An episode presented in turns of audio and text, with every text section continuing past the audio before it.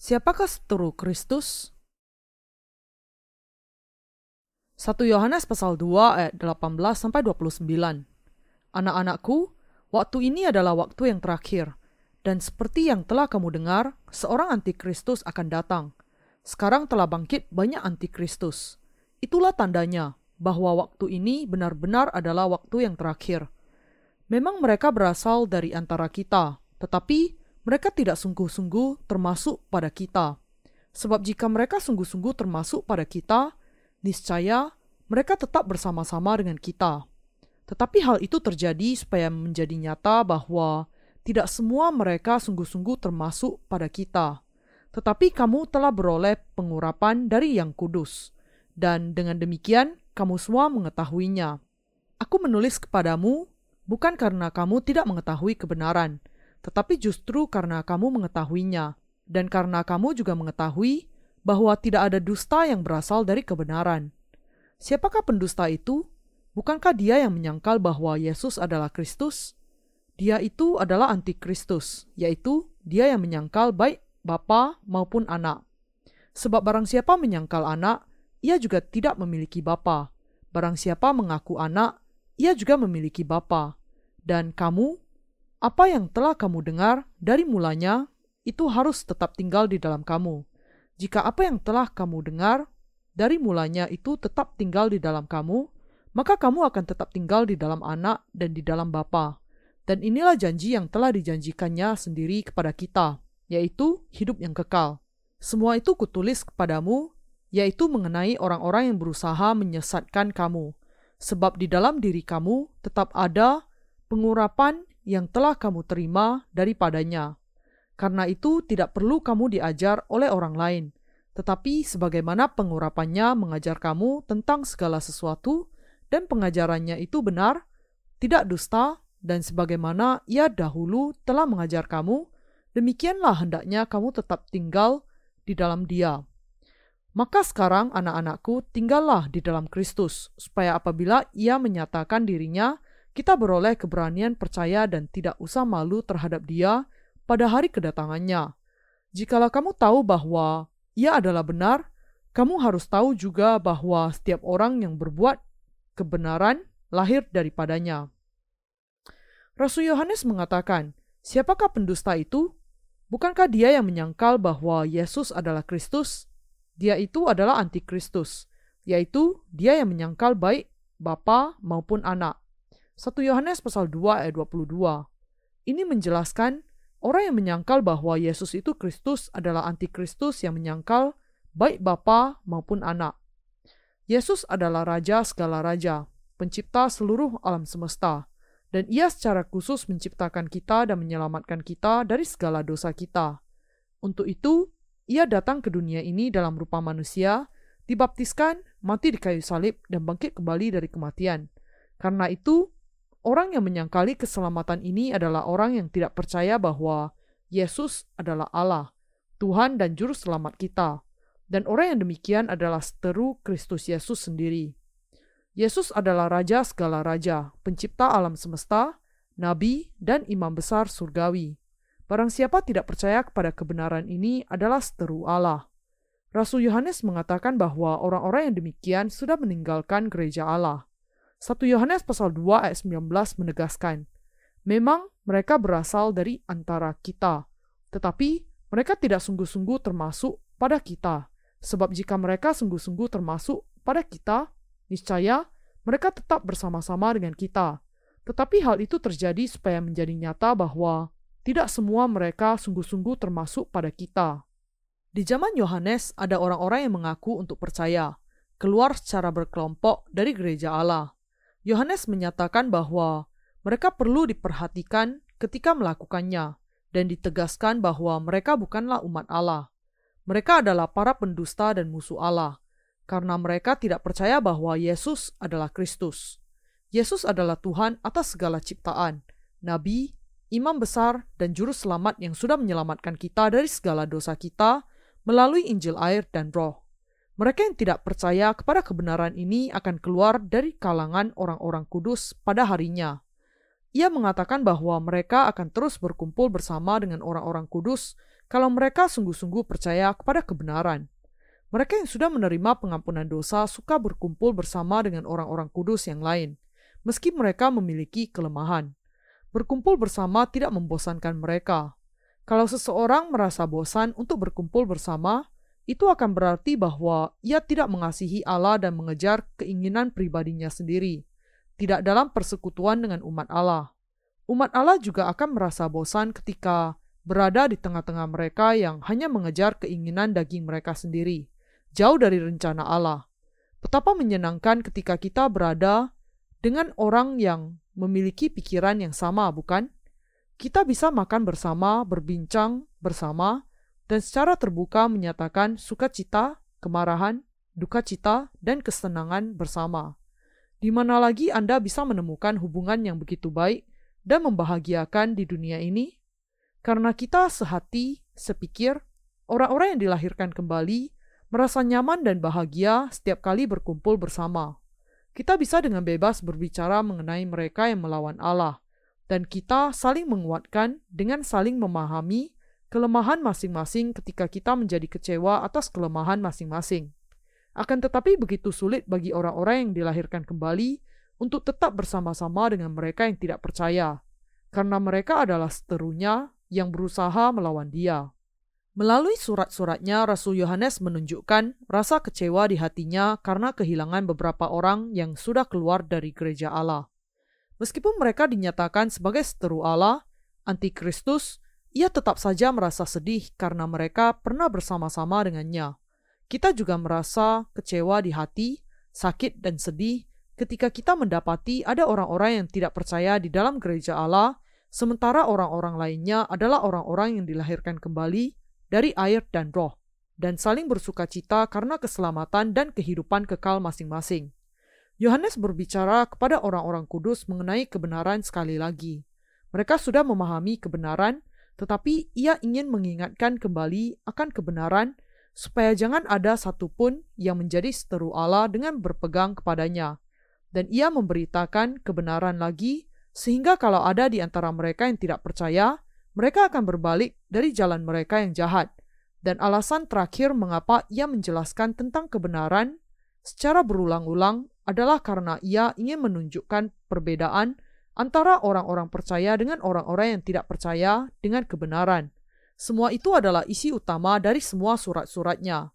Dalam satu Yohanes pasal 1, ia menyebutkan mengenai terang dan gelap.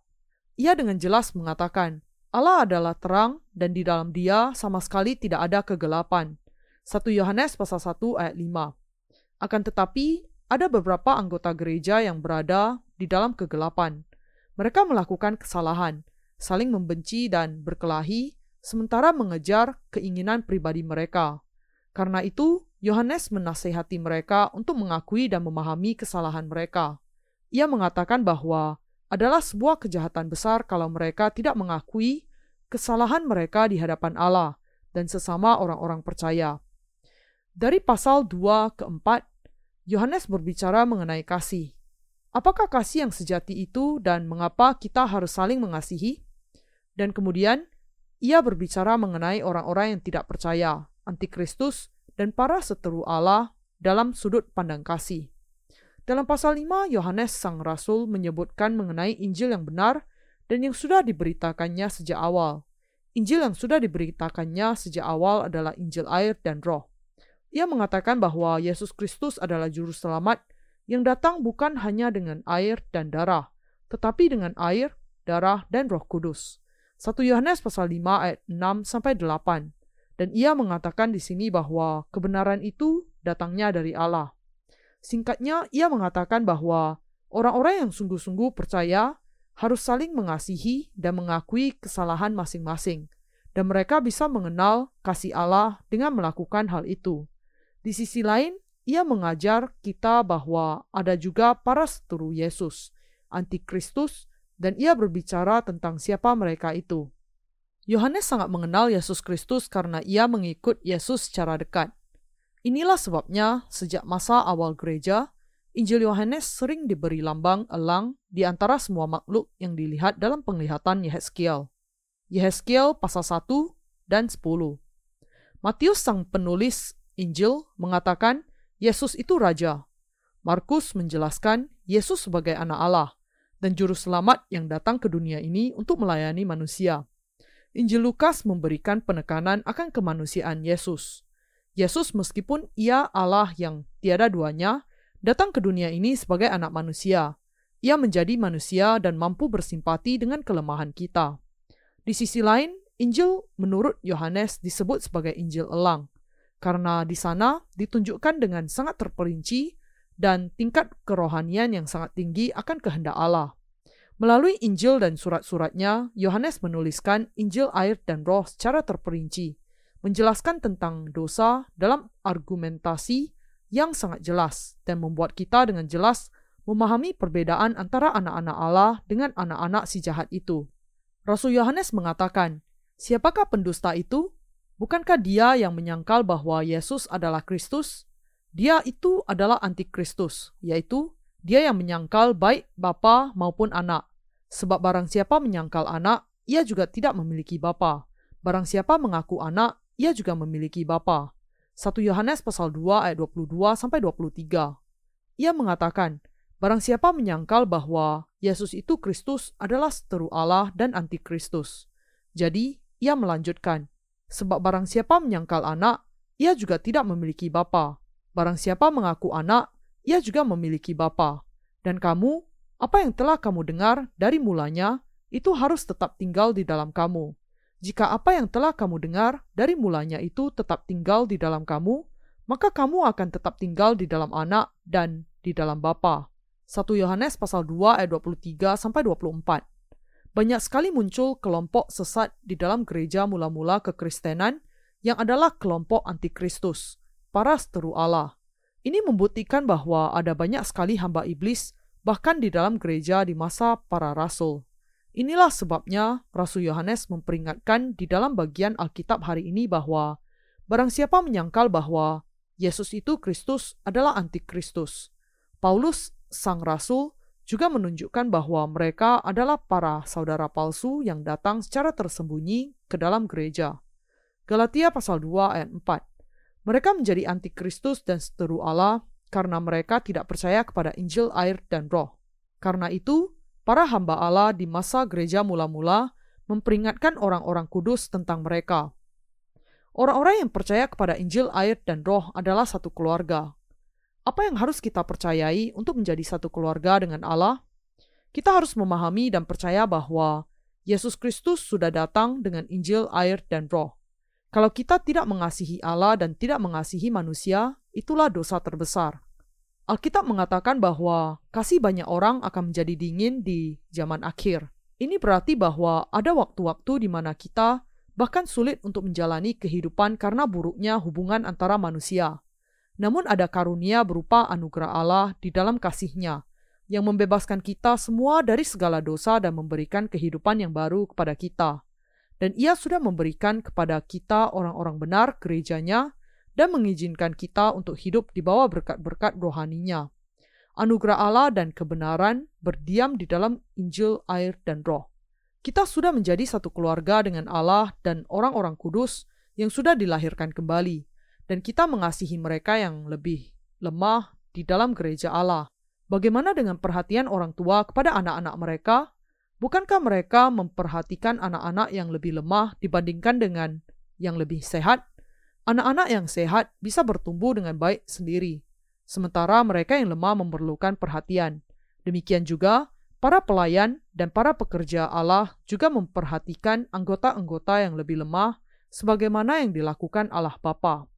Lebih lagi, kita sangat peduli bukan hanya kepada para saudara dan saudari di dalam Kristus, tetapi juga kepada mereka yang belum diselamatkan, karena kita memiliki kasih akan Injil yang sudah menyelamatkan kita dari segala dosa dunia. Kita mengasihi mereka karena Yesus sudah memberikan kasihnya di dalam hati kita. Kita adalah orang-orang yang mengasihi kebenaran dan menjalani kehidupan yang dipenuhi dengan kasih Kristus. Siapakah para seteru Yesus Kristus? Mereka adalah orang-orang yang menyangkali Allah dan karyanya. Anak-anakku, waktu ini adalah waktu yang terakhir dan seperti yang telah kamu dengar, seorang antikristus akan datang.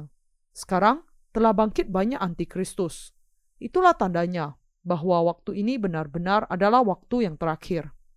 Memang, mereka berasal dari antara kita, tetapi mereka tidak sungguh-sungguh termasuk pada kita. Sebab jika mereka sungguh-sungguh termasuk pada kita, niscaya mereka tetap bersama-sama dengan kita.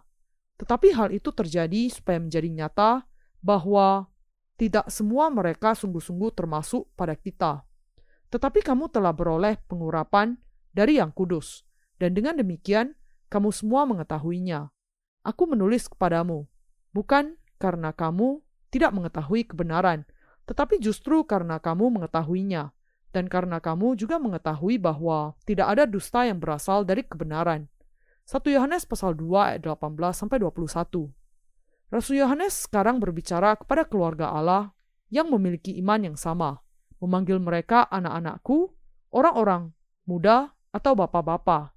Gereja Allah di mana umat Allah yang dilahirkan kembali hidup adalah keluarga Allah dan kerajaannya.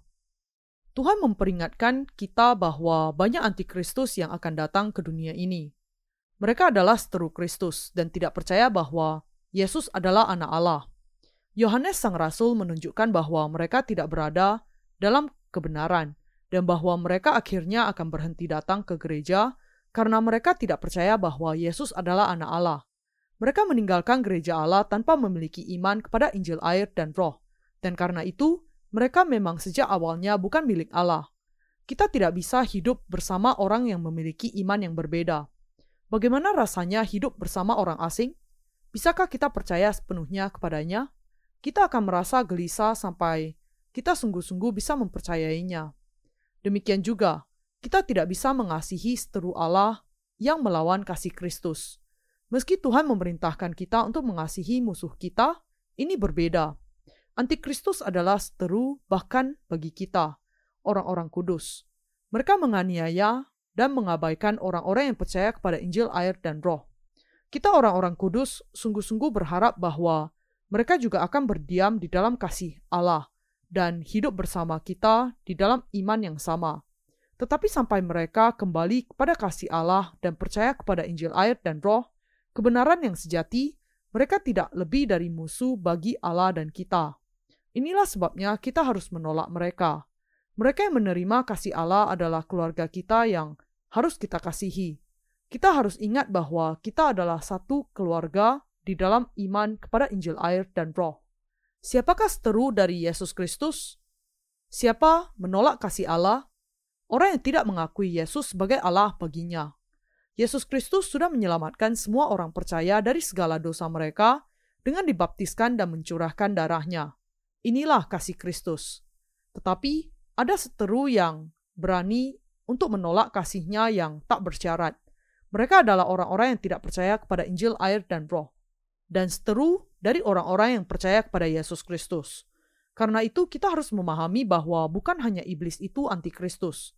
Di antara orang-orang Kristen, semua yang menolak kasih Kristus yang sempurna dan melawan dia adalah seteru Yesus Kristus. Karena itu, 1 Yohanes pasal 2 ayat 18 menegaskan, Anak-anakku, waktu ini adalah waktu yang terakhir, dan seperti yang telah kamu dengar, seorang antikristus akan datang. Sekarang telah bangkit banyak antikristus. Itulah tandanya bahwa waktu ini benar-benar adalah waktu yang terakhir. Di sini antikristus berarti seteru Yesus Kristus. Ini tidak menunjuk kepada antikristus yang dijelaskan di dalam Wahyu pasal 13, tetapi menunjuk kepada mereka yang tidak percaya bahwa Yesus adalah anak Allah dan yang tidak menerima Injil air dan roh. Nampaknya ada sekelompok orang yang meninggalkan gereja Allah karena mereka tidak percaya bahwa Yesus Kristus adalah anak Allah.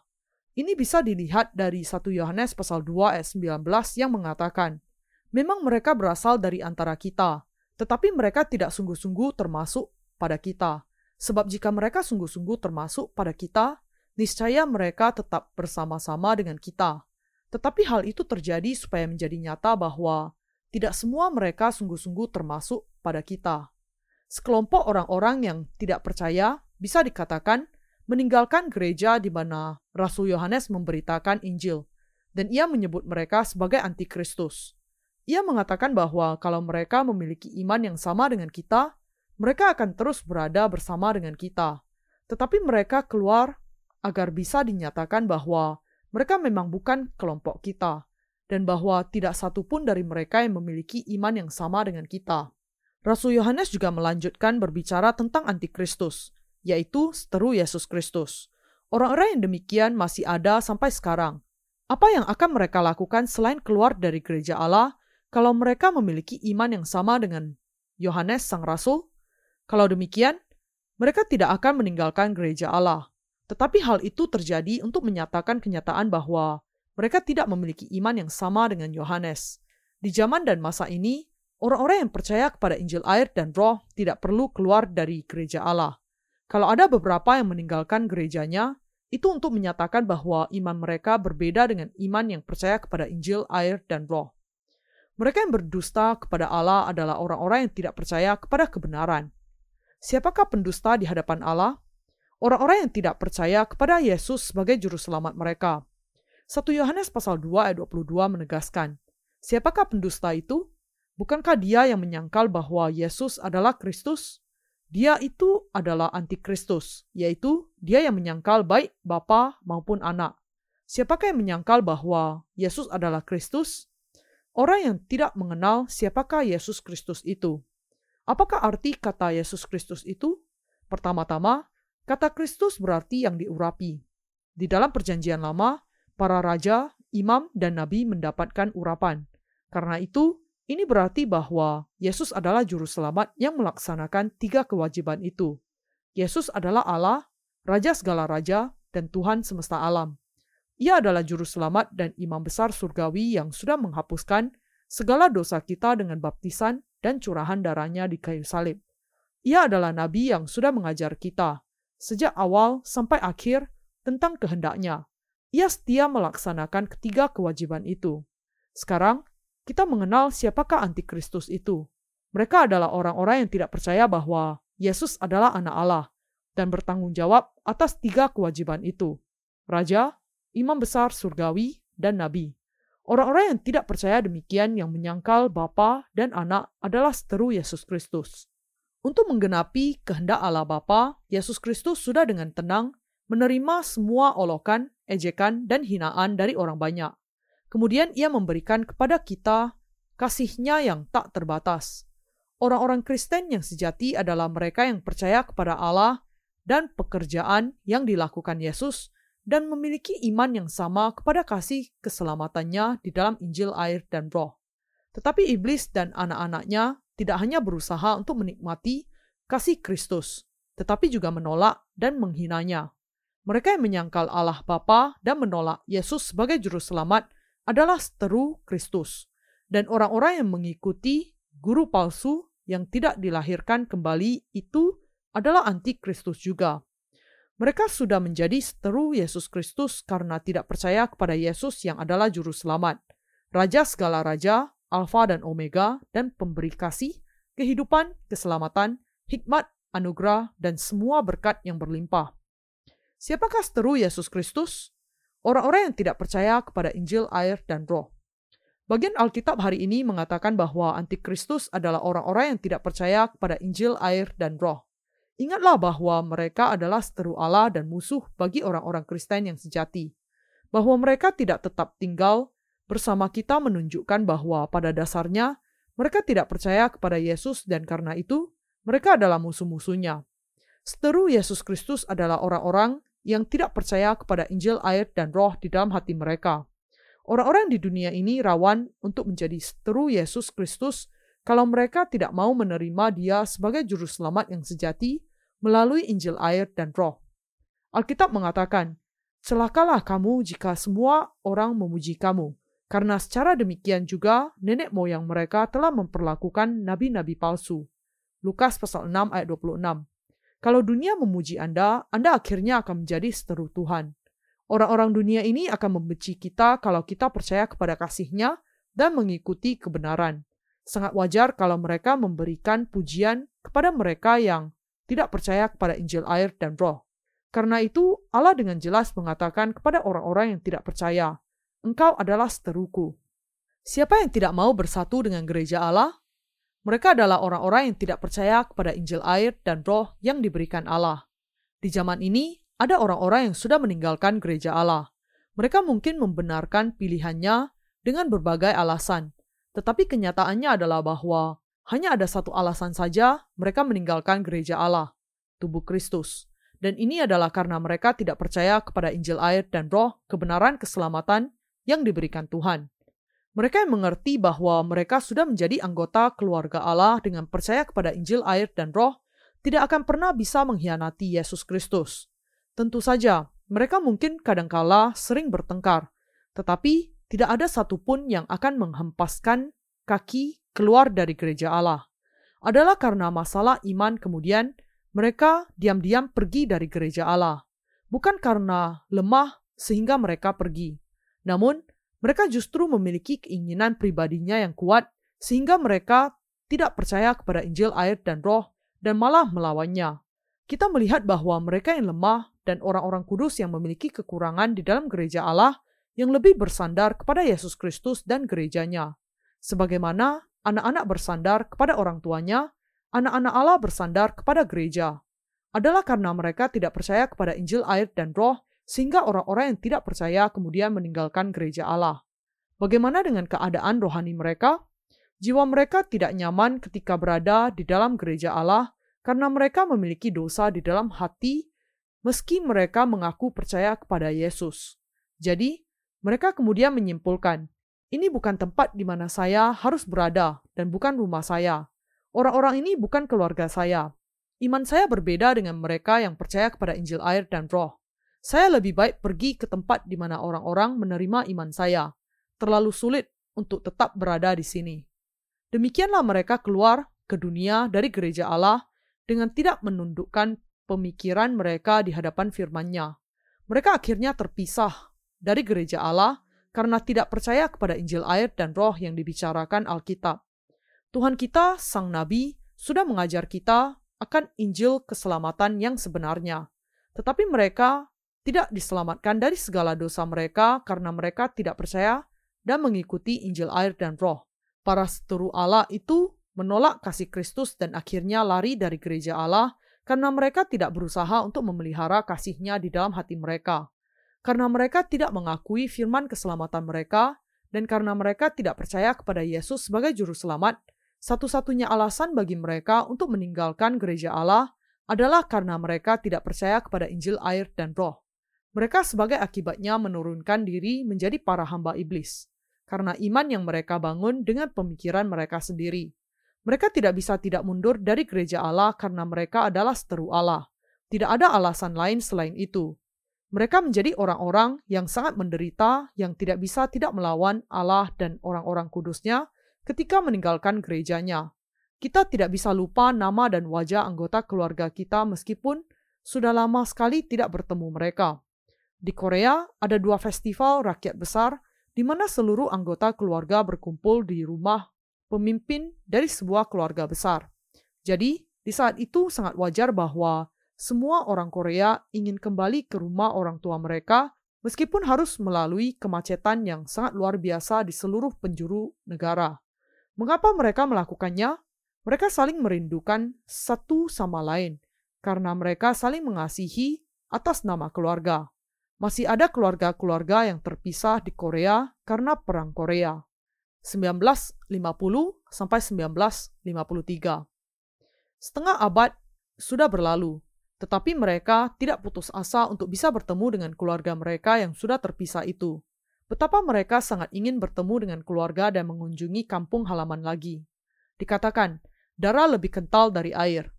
Ini karena mereka adalah satu keluarga. Tidak ada orang-orang yang dilahirkan kembali yang bisa hidup sendirian. Mereka harus bertemu dengan keluarga rohani mereka dan membagikan sukacita dari Allah satu kepada yang lain. Karena itu, kalau seseorang meninggalkan keluarganya sendiri, itu berarti orang itu tidak menganggap dirinya anggota keluarga lagi. Dan mereka yang masih tetap ada di dalam gereja Allah harus memahami alasan mengapa orang-orang yang demikian mundur dari gerejanya adalah karena penolakan mereka akan kasih Kristus. Siapakah seteru Yesus Kristus? orang-orang yang tidak percaya bahwa Yesus Kristus adalah Anak Allah. Sekarang, Yohanes sang rasul menjelaskan tentang seteru Kristus dengan terperinci. Siapakah seteru Kristus? Ia menjawab, orang-orang yang tidak mau percaya bahwa Yesus Kristus adalah anak Allah.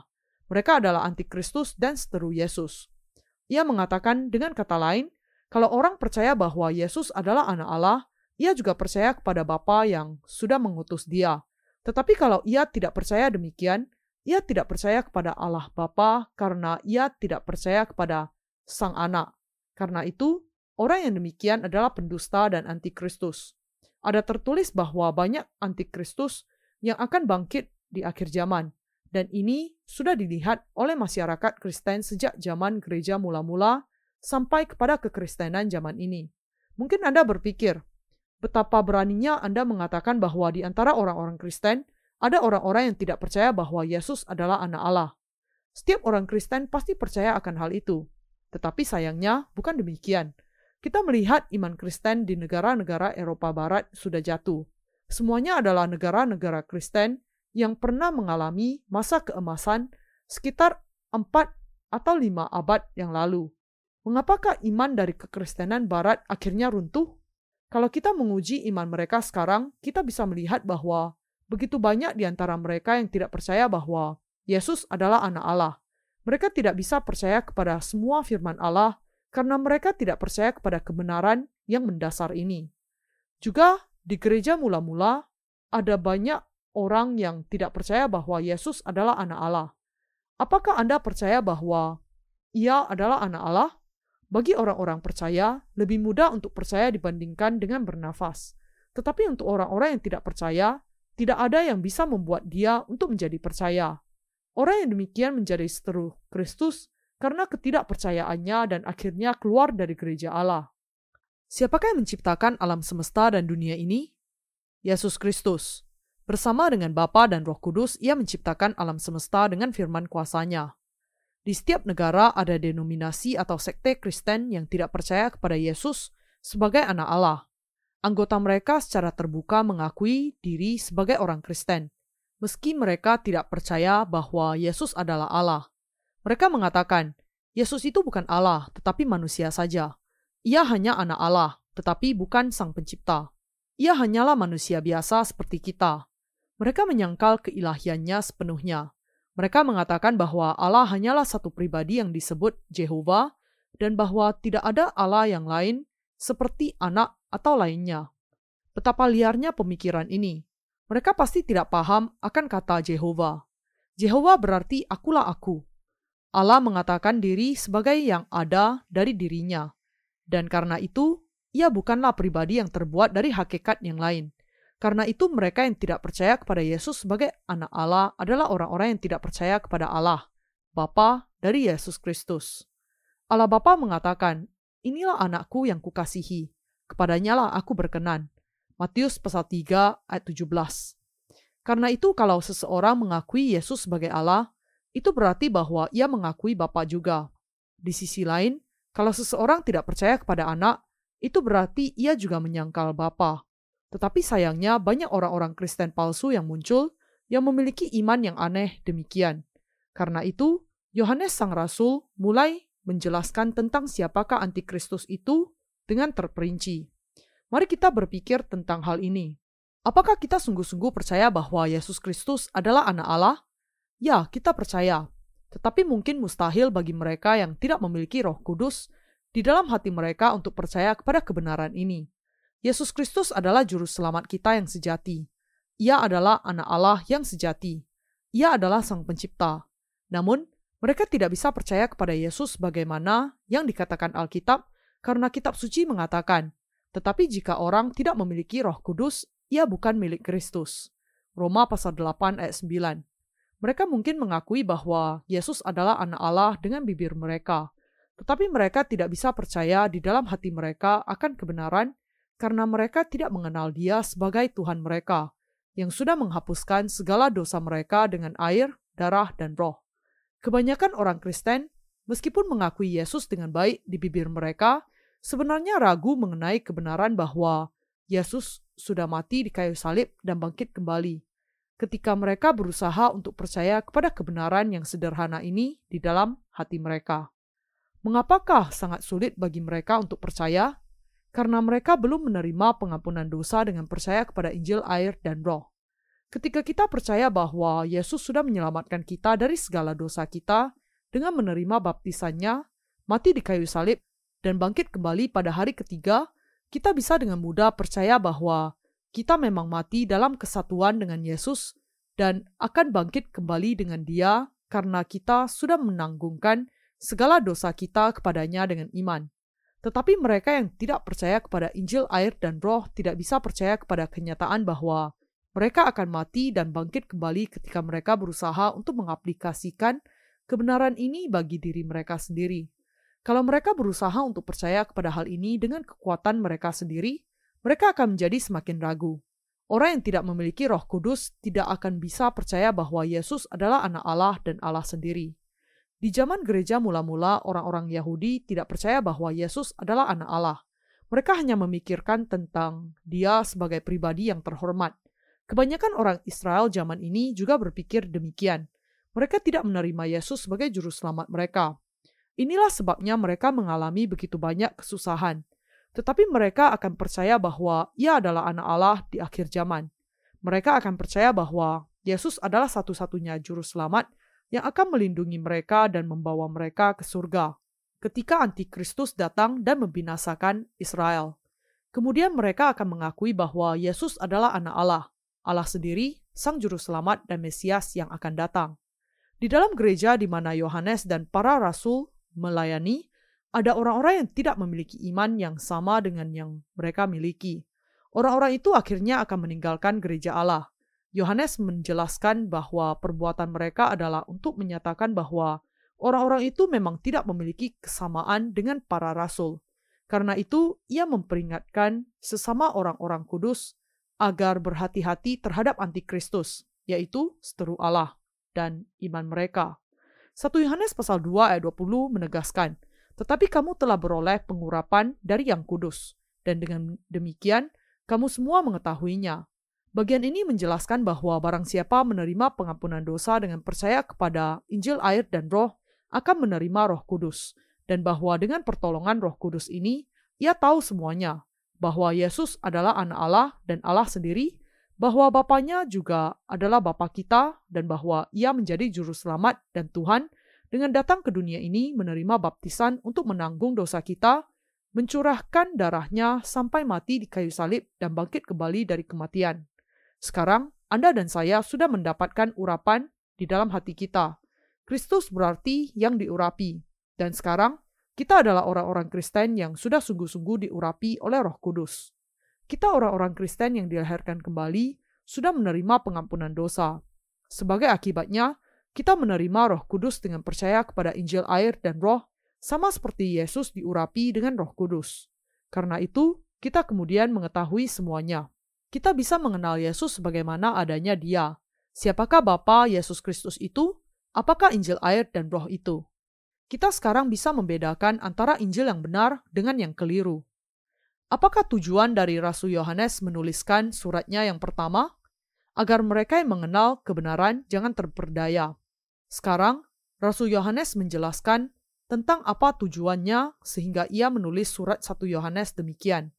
Aku menulis kepadamu, bukan karena kamu tidak mengetahui kebenaran, tetapi justru karena kamu mengetahuinya, dan karena kamu juga mengetahui bahwa tidak ada dusta yang berasal dari kebenaran. 1 Yohanes pasal 2 ayat 21. Ketika ia menjelaskan bagian ini, ia mengatakan bahwa ada banyak orang yang tidak percaya. Dengan kata lain, seteru Allah di dalam gereja Allah. Jadi, ia memperingatkan orang-orang kudus supaya tetap berwaspada terhadap para seteru Allah agar mereka tidak tertipu.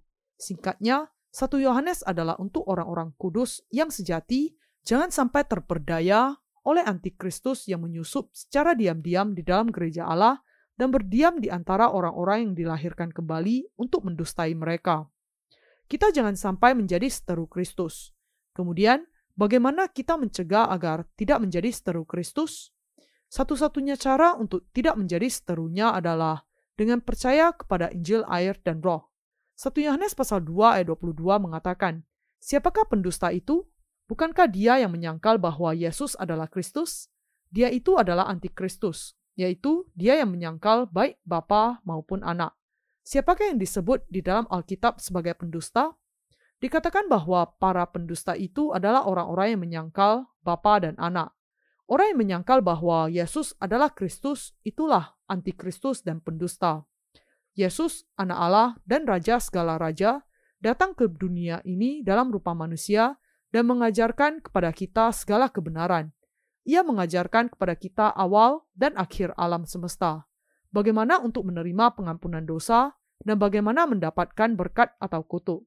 Ia sudah menyelamatkan kita dari segala dosa kita dengan dibaptiskan oleh Yohanes Pembaptis dan dengan mencurahkan darahnya di kayu salib. Karena itu, mereka yang menyangkal bahwa Yesus Kristus menjadi juru selamat kita yang sejati dengan dibaptiskan dan mencurahkan darahnya adalah antikristus itu sendiri. Mereka adalah orang-orang yang menyangkal Bapa dan Anak.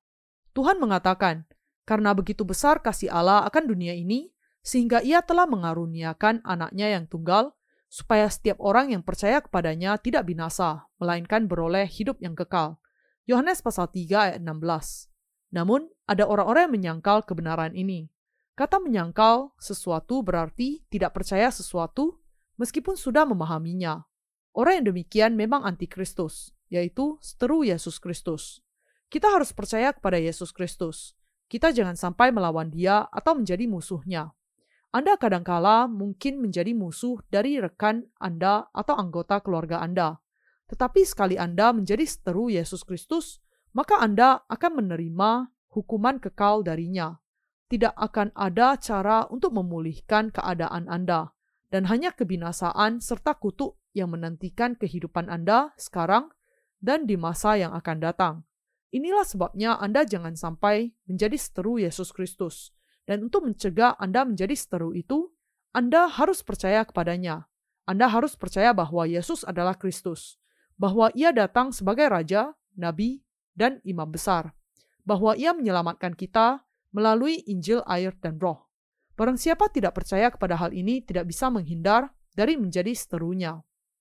Ada juga tertulis, tetapi semua orang yang menerimanya diberinya kuasa supaya menjadi anak-anak Allah yaitu mereka yang percaya dalam namanya. Yohanes pasal 1 ayat 12. Menerima dia berarti percaya kepadanya, sementara menyangkal dia berarti tidak percaya kepadanya. Ia sudah meninggalkan kemuliaannya di surga dan menjadi manusia untuk menyelamatkan kita, manusia dari segala dosa kita. Selama 33 tahun kehidupannya di dunia ini, karena bersimpati dengan kelemahan kita, ia dibaptiskan disalibkan dan bangkit kembali dari kematian untuk menggenapi keselamatan kita. Bagaimana kemudian kita bisa tidak percaya kepadanya? Dengan alasan apa kita bisa menyangkali dia? Atas kelebihan apa Anda menjadi sangat sombong menolak dia? Saya tidak mengerti bagaimana mungkin ada orang di dunia ini yang terlalu sombong untuk percaya kepada Yesus. Kita ditentukan untuk dihukum di neraka, tetapi Yesus mengasihani kita dan menawarkan dirinya sebagai pengganti bagi dosa-dosa kita, untuk menjadikan kita tidak memiliki dosa dan anak-anak Allah yang akan hidup selamanya di dalam kerajaannya, ia datang ke dunia ini, disalibkan, dan mati di kayu salib, dan bangkit kembali dari kematian untuk memberikan kepada kita keselamatannya yang sempurna. Bagaimana kemudian kita bisa tidak percaya kepadanya? Mungkin Anda tidak percaya kepadanya karena Anda begitu hebat dan perkasa, sehingga Anda mau mencoba sendiri masuk ke surga. Tetapi kalau tidak bisa, saya harap Anda percaya kepadanya. Itu saja satu-satunya jalan agar Anda tidak menjadi seterunya. Siapakah yang menyangkal Yesus itu anak Allah? Seteru Yesus Kristus. Mereka tidak percaya bahwa ia adalah Allah. 1 Yohanes pasal 2 ayat 23 mengatakan, Sebab barang siapa menyangkal anak, ia juga tidak memiliki bapa. Barang siapa mengaku anak, ia juga memiliki bapa. Kalau Anda tidak menyangkal dan justru percaya bahwa Yesus itu anak Allah dan bahwa ia sudah menyelamatkan kita dari segala dosa kita dengan baptisannya, kematiannya di kayu salib dan kebangkitannya dari kematian, maka Bapa Yesus akan menjadi Bapa Anda. Ada tertulis, barang siapa mengaku anak, ia juga memiliki Bapa. Karena itu, Anda dan saya harus terlebih dahulu mengaku anak. Apakah Anda mengakui bahwa Anak Allah adalah juru selamat yang sejati bagi Anda dan saya? Apakah Anda percaya bahwa Ia sudah merencanakan untuk menyelamatkan kita dengan menghapuskan segala dosa kita melalui air, darah, dan Roh Kudus? Ya, kalau Anda tidak percaya demikian, maka Anda adalah seteru Allah dan antikristus. Di antara teolog zaman ini, banyak yang mengatakan bahwa Yesus itu bukan Allah dan bahwa percaya kepadanya bukanlah satu-satunya jalan ke surga. Mereka mengatakan bahwa semua agama memiliki jalan keselamatannya sendiri. Kita menyebut mereka sebagai orang Kristen yang religius pluralistis. Seorang dekan di sebuah seminari teologi di Korea pernah mengatakan bahwa Yesus tidak sungguh-sungguh bangkit. Ini berarti bahwa ia bukanlah anak Allah dan Allah sendiri. Terus terang, orang-orang yang demikianlah sebenarnya yang tidak percaya kepadanya. Mereka berpikir bahwa Yesus hanyalah sekedar seorang revolusionis. Sebenarnya, ada banyak teolog yang mengatakan bahwa Yesus hanyalah seorang revolusionis yang terhormat atau seorang filsuf yang hebat. Mereka adalah orang-orang yang secara terbuka menyangkal Yesus Kristus. Karena itu Rasul Yohanes mengatakan di dalam bagian Alkitab hari ini, kita sungguh-sungguh mengenal kebenaran. Kalau ada orang-orang yang tidak percaya kepada anak Allah, mereka adalah sang antikristus dan seteru Allah yang juga menyangkali Bapa. Mereka akan pergi untuk menyatakan bahwa mereka memang bukan bagian dari kita. Karena kita mengenal kebenaran, kita bisa belajar pelajaran yang baik dari peristiwa yang demikian, dan jangan sampai terpedaya untuk menjadi sama iman dengan mereka. Kita harus memahami bahwa kita juga akan menjadi antikristus kalau kita tidak mau percaya kepada Yesus sebagai anak Allah. Yohanes Sang Rasul kemudian menjelaskan, sebab semua yang lahir dari Allah mengalahkan dunia, dan inilah kemenangan yang mengalahkan dunia, iman kita. Siapakah yang mengalahkan dunia? Selain daripada dia yang percaya bahwa Yesus adalah anak Allah, inilah dia yang telah datang dengan air dan darah, yaitu Yesus Kristus, bukan saja dengan air, tetapi dengan air dan dengan darah. Dan rohlah yang memberi kesaksian, karena roh adalah kebenaran. 1 Yohanes pasal 5 ayat 4 sampai 6. Karena itu, kalau kita tidak percaya kepada Injil air dan roh dengan kata lain, kita akan menjadi seteru Allah. Apakah Injil yang didengar sang rasul sejak mulanya? Injil yang datang dengan air, darah, dan roh. Yohanes mengatakan, "Dan kamu, apa yang telah kamu dengar dari mulanya, itu harus tetap tinggal di dalam kamu. Jika apa yang telah kamu dengar dari mulanya itu tetap tinggal di dalam kamu, maka kamu akan tetap tinggal di dalam anak dan di dalam Bapa. 1 Yohanes pasal 2 ayat 24. Kemudian, apakah yang kita dengar dari mulanya itu? Untuk mendapat jawaban yang benar, kita perlu memperhatikan bagian dari 1 Yohanes pasal 5 terlebih dahulu. 1 Yohanes pasal 5 ayat 4 sampai 8 menegaskan, sebab semua yang lahir dari Allah mengalahkan dunia, dan inilah kemenangan yang mengalahkan dunia, iman kita. Siapakah yang mengalahkan dunia selain daripada Dia yang percaya bahwa Yesus adalah Anak Allah? Inilah Dia yang telah datang dengan air dan darah, yaitu Yesus Kristus. Bukan saja dengan air, tetapi dengan air dan dengan darah. Dan rohlah yang memberi kesaksian, karena roh adalah kebenaran. Sebab ada tiga yang memberi kesaksian. Di dalam surga, Bapa, Firman, dan Roh Kudus, dan ketiganya adalah satu dan ada tiga yang memberi kesaksian di bumi, roh dan air dan darah, dan ketiganya adalah satu. Ada tertulis, siapakah yang mengalahkan dunia selain daripada dia yang percaya bahwa Yesus adalah anak Allah? Bagian ini berarti bahwa kalau Yesus bukan sungguh-sungguh anak Allah, maka semua yang dilakukannya di dunia ini akan sia-sia. Bahwa ia dibaptiskan, disalibkan, dan bangkit kembali dari kematian menjadi tidak berguna dan tidak ada hubungannya dengan kita. Namun, firman Allah yang benar mengatakan bahwa Allah Bapa sangat mengasihi dunia ini sehingga ia memberikan anaknya yang tunggal untuk menyelamatkan kita dari segala dosa kita.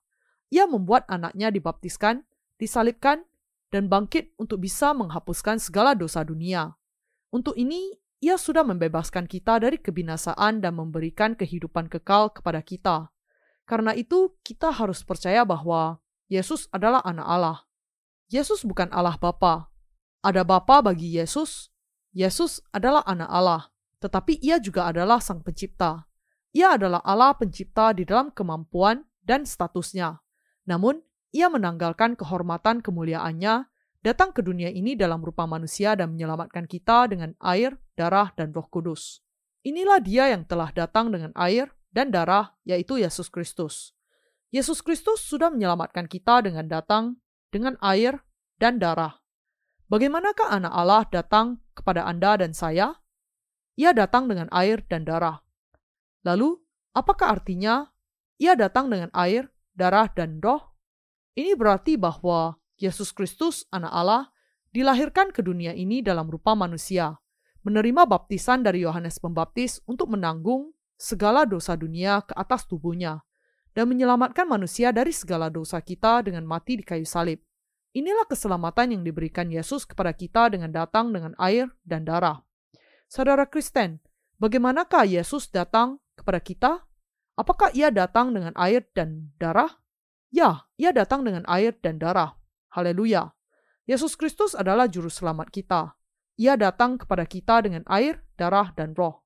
Karena itu Alkitab mengatakan, bukan saja dengan air, tetapi dengan air dan dengan darah. Dan rohlah yang memberi kesaksian karena roh adalah kebenaran. Dan ada tiga yang memberi kesaksian di bumi. Roh dan air dan darah dan ketiganya adalah satu. Apakah yang disaksikan oleh Roh Kudus? Ia memberikan kesaksian akan kebenaran bahwa Yesus datang dengan air dan darah untuk menyelamatkan kita dari segala dosa kita. Apakah yang disaksikan secara bersama dalam kesatuan oleh air, darah, dan roh? Ketiganya menyaksikan akan kebenaran bahwa kita sudah diselamatkan dengan baptisan Yesus dan kematiannya di kayu salib. Ketika kita memiliki iman kepada Injil air dan roh dengan kata lain, ketika kita percaya kepada anak Allah yang datang dengan air dan darah, kita dimeteraikan dengan iman yang benar di dalam hati kita oleh Roh Kudus. Allah Bapa mengutus karunia Roh Kudus kepada mereka yang menerima pengampunan dosa dengan percaya kepada Yesus, yang datang dengan air dan darah sebagai juru selamat mereka. Karena itu ada tertulis, dan ada tiga yang memberi kesaksian di bumi, roh dan air, dan darah, dan ketiganya adalah satu. Apakah buktinya yang memberikan kesaksian akan keselamatan kita? Apakah hal yang kita dengar sejak dari mulanya? Ketiga hal itu adalah roh, air, dan darah. Ketika kita percaya kepada Yesus yang datang dengan air dan darah, kita bisa percaya kepadanya sebagai anak Allah dan juru selamat kita yang sempurna. Ketika kita percaya bahwa Yesus dibaptiskan, mati di kayu salib, dan bangkit kembali dari kematian untuk menyelamatkan kita dari segala dosa kita, Roh Kudus bersama dengan Allah Bapa menolong kita untuk memahami kita, memiliki iman yang benar di dalam hati kita. Allah Bapa memberikan karunia Roh Kudus ketika kita menerima pengampunan dosa dengan iman kita. Inilah pengurapan dari Roh Kudus. Kita adalah orang-orang yang sudah diurapi oleh Roh Kudus, dan karena itu sudah menjadi anak-anak Allah. Apakah Injil yang diberikan Rasul kepada kita? Injil air dan roh yang sekarang ini kita percayai. Dan kamu, apa yang telah kamu dengar dari mulanya, itu harus tetap tinggal di dalam kamu. Jika apa yang telah kamu dengar dari mulanya itu tetap tinggal di dalam kamu, maka kamu akan tetap tinggal di dalam anak dan di dalam Bapa. 1 Yohanes pasal 2 ayat 24. Apakah hal yang telah kita dengar dari mulanya adalah tentang Yesus Kristus yang datang dengan air, darah, dan roh kudus. Rasul Yohanes memberikan kesaksian bahwa keselamatan kita sudah digenapkan oleh air, darah, dan roh. Inilah Injil yang diberitakan oleh Rasul Yohanes sejak awal. Apakah arti baptisan Yesus yang diterimanya dari Yohanes? Artinya Yesus menanggung segala dosa dunia ke atas tubuhnya sekali untuk selamanya. Rasul Petrus mengatakan, juga kamu sekarang diselamatkan oleh kiasannya, yaitu baptisan, maksudnya bukan untuk membersihkan kenajisan jasmani, melainkan untuk memohonkan hati nurani yang baik kepada Allah oleh kebangkitan Yesus Kristus. 1 Petrus pasal 3 ayat 21. Karena itu, kita bisa menegaskan kembali Injil yang asli yang diberitakan oleh Rasul sejak dari mulanya adalah Injil air dan roh. Itulah Injil tentang baptisan Yesus dan darahnya di kayu salib. Ketika kita percaya kepada hal ini, kita akan menerima karunia Roh Kudus. Di dalam Kisah Para Rasul pasal 2 ayat 38, Rasul Petrus mengatakan, Bertobatlah dan hendaklah kamu masing-masing memberi dirimu dibaptis dalam nama Yesus Kristus untuk pengampunan dosamu. Maka kamu akan menerima karunia roh kudus.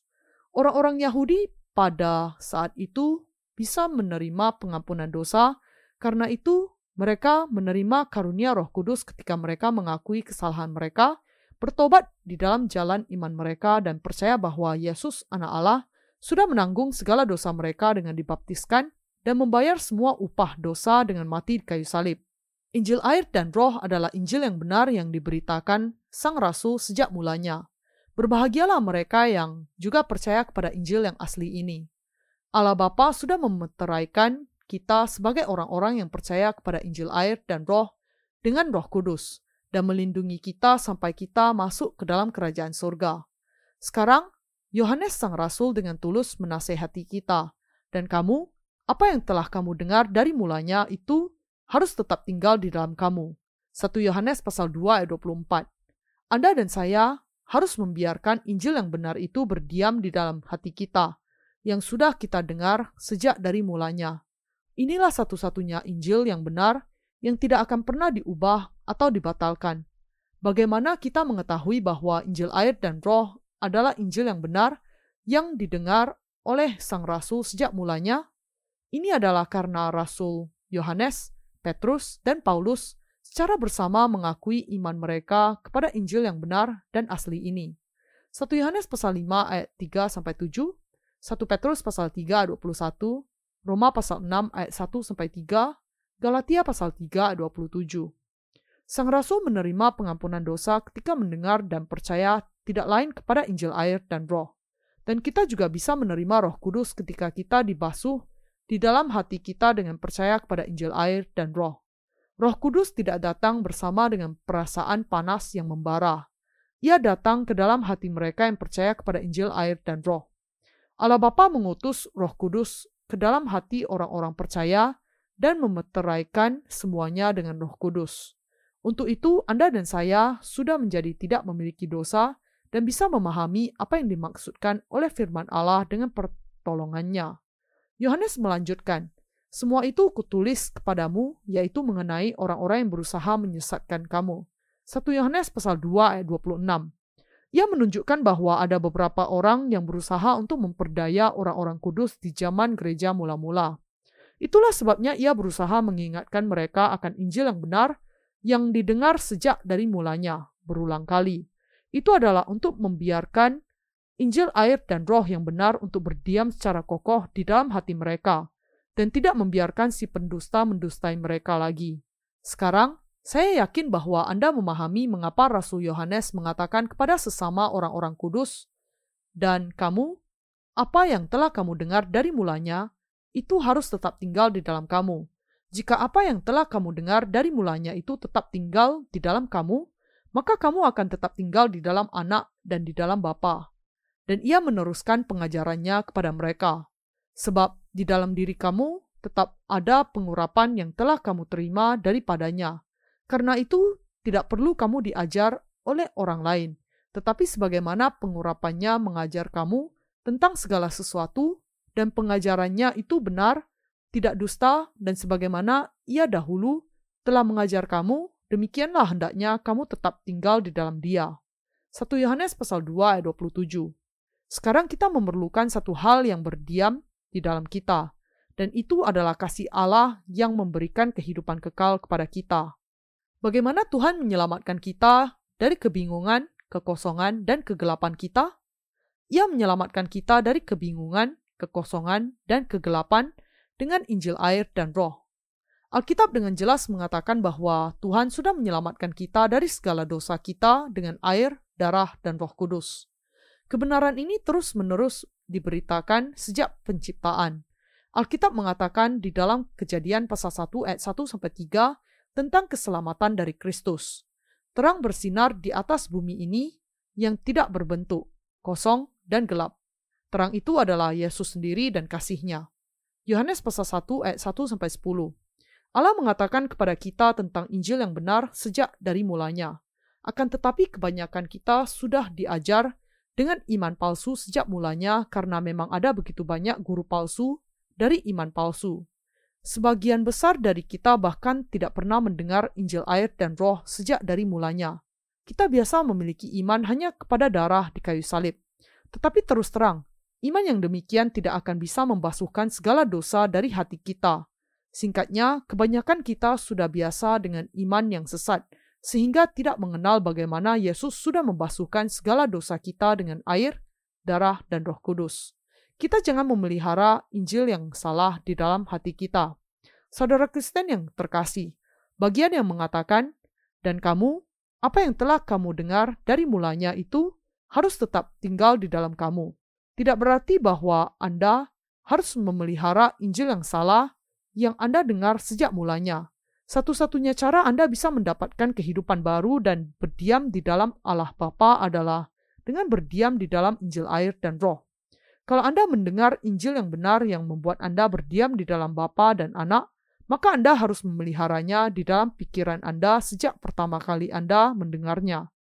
Kita kemudian akan bisa berdiam di dalam kasih Kristus sejak saat kita dilahirkan kembali dari air dan roh. Dan kamu, apa yang telah kamu dengar dari mulanya itu harus tetap tinggal di dalam kamu.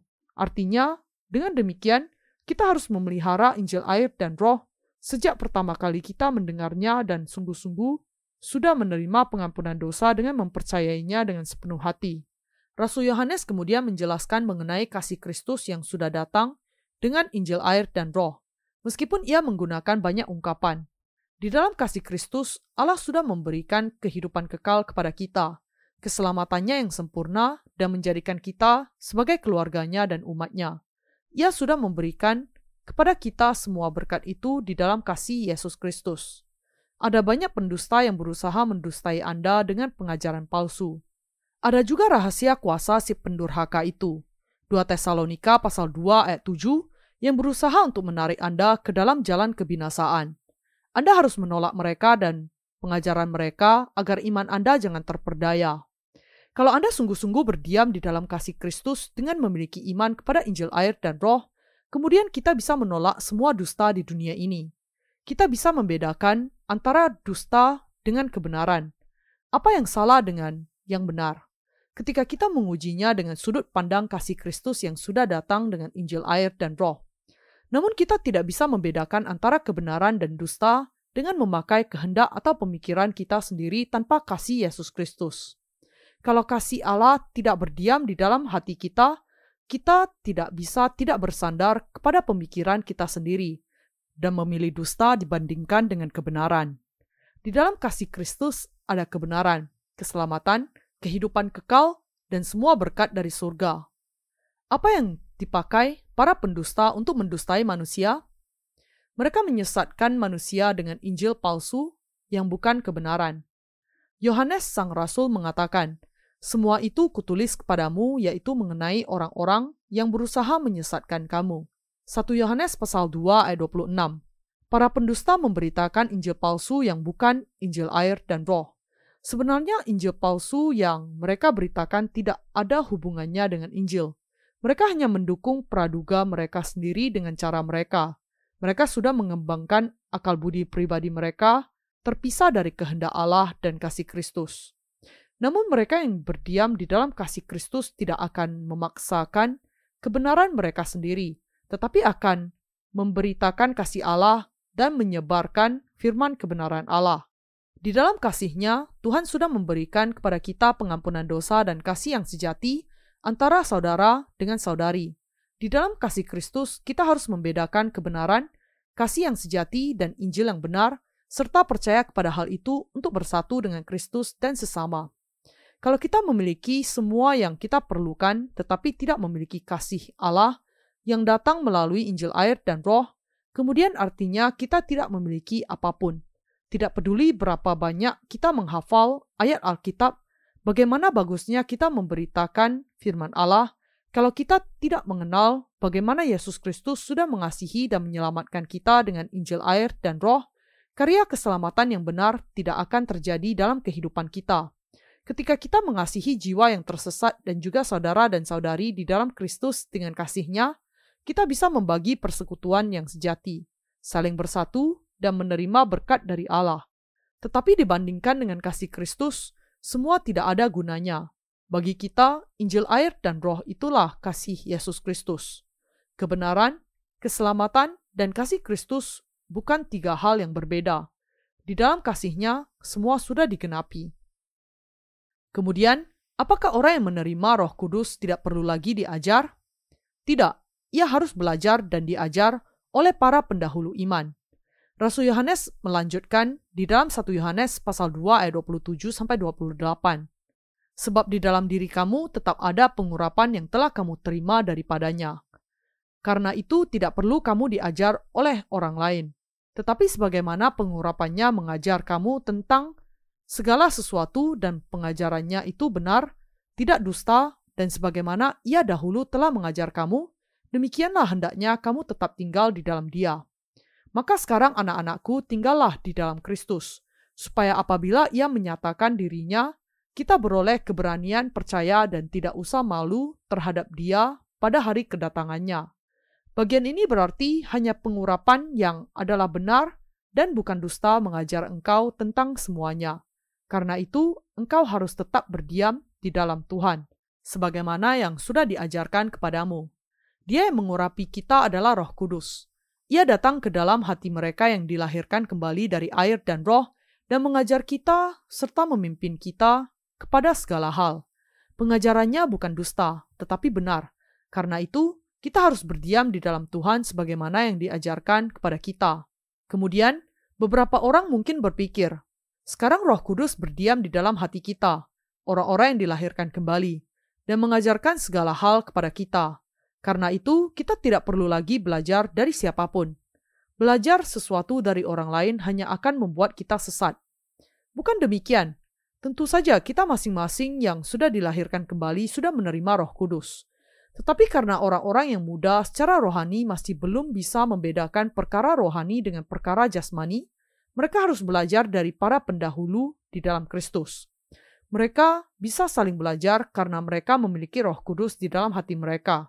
Tetapi mereka tidak bisa mengajar orang-orang yang tidak memiliki kasih Kristus dan yang hatinya sudah didustai oleh guru-guru palsu.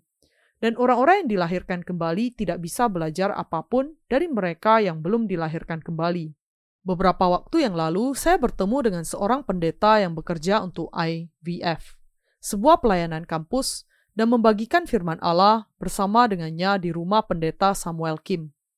Ia belum dilahirkan kembali, Ketika pendeta Samuel Kim dan istrinya bersaksi bagaimana mereka sudah dilahirkan kembali dari air dan roh di hadapan pendeta itu, ia kemudian menantang saya dengan ayat di atas dan mengatakan, Alkitab di sini menjelaskan bahwa orang yang diurapi tidak perlu belajar lagi. Kemudian Anda tidak bisa mengajari keduanya, bukan? Yang dimaksudkannya adalah bahwa saya tidak perlu lagi mengajar dan bersekutu lagi dengan pendeta Samuel Kim dan istrinya tetapi bagian di dalam 1 Yohanes pasal 2 ayat 27 tidak bermaksud demikian. Mereka yang dilahirkan kembali tidak perlu belajar dari dustanya para guru palsu, tetapi menjadi perintah yang jelas bagi mereka yang baru dilahirkan kembali untuk belajar kebenaran secara terperinci dari para pendahulu yang dilahirkan kembali sebelum mereka. Bagian ini menjelaskan bahwa kita harus belajar firman kebenaran setelah datang ke dalam kasih Kristus. Tetapi kita tidak perlu belajar dusta lagi. Kita harus belajar satu perincian mengenai kebenaran Injil air dan roh sejak kita mengenal kasih Kristus. Tetapi kita tidak perlu belajar dari para pendusta yang tidak mengenal kasih Kristus. Dengan kata lain, orang-orang yang dilahirkan kembali tidak perlu belajar dari orang yang tidak dilahirkan kembali, dan orang-orang berdosa tidak ada hubungannya dengan orang-orang benar yang sudah menerima Roh Kudus. Beberapa narsis yang belum dilahirkan kembali tidak memahami mengapa mereka tidak bisa lagi mengajar orang lain dan hanya bisa mengatakan hal yang jahat tentang kita, dan mengatakan tidak masuk akal sama sekali, tidak ada kurikulum, tidak ada fakultas. Apa yang mereka ajarkan dan pelajari di tempat di mana mereka bahkan sama sekali tidak mengajarkan sejarah kekristenan, saya bisa mengatakan kepada orang-orang itu dengan jelas dan tegas alasan mengapa kami tidak mengajarkan hal-hal yang tidak diperlukan mengenai orang-orang yang disebut sebagai tokoh-tokoh besar di dalam kekristenan, seperti Calvin, Luther, Matthew Henry, Darby, atau Spurgeon, yaitu karena pengajaran mereka dan doktrin mereka sama sekali tidak ada artinya dan penuh dengan kekeliruan. Hanya firman kebenaran yang memimpin kita untuk dilahirkan kembali itulah yang layak dipelajari dan diajarkan. Kita harus mengajarkan hal itu. Tidak mengajarkannya justru menjadi kejahatan besar di hadapan Allah. Itulah sebabnya saya tidak pernah mengajarkan hal yang tidak berguna dari dunia ini untuk orang-orang yang dilahirkan kembali.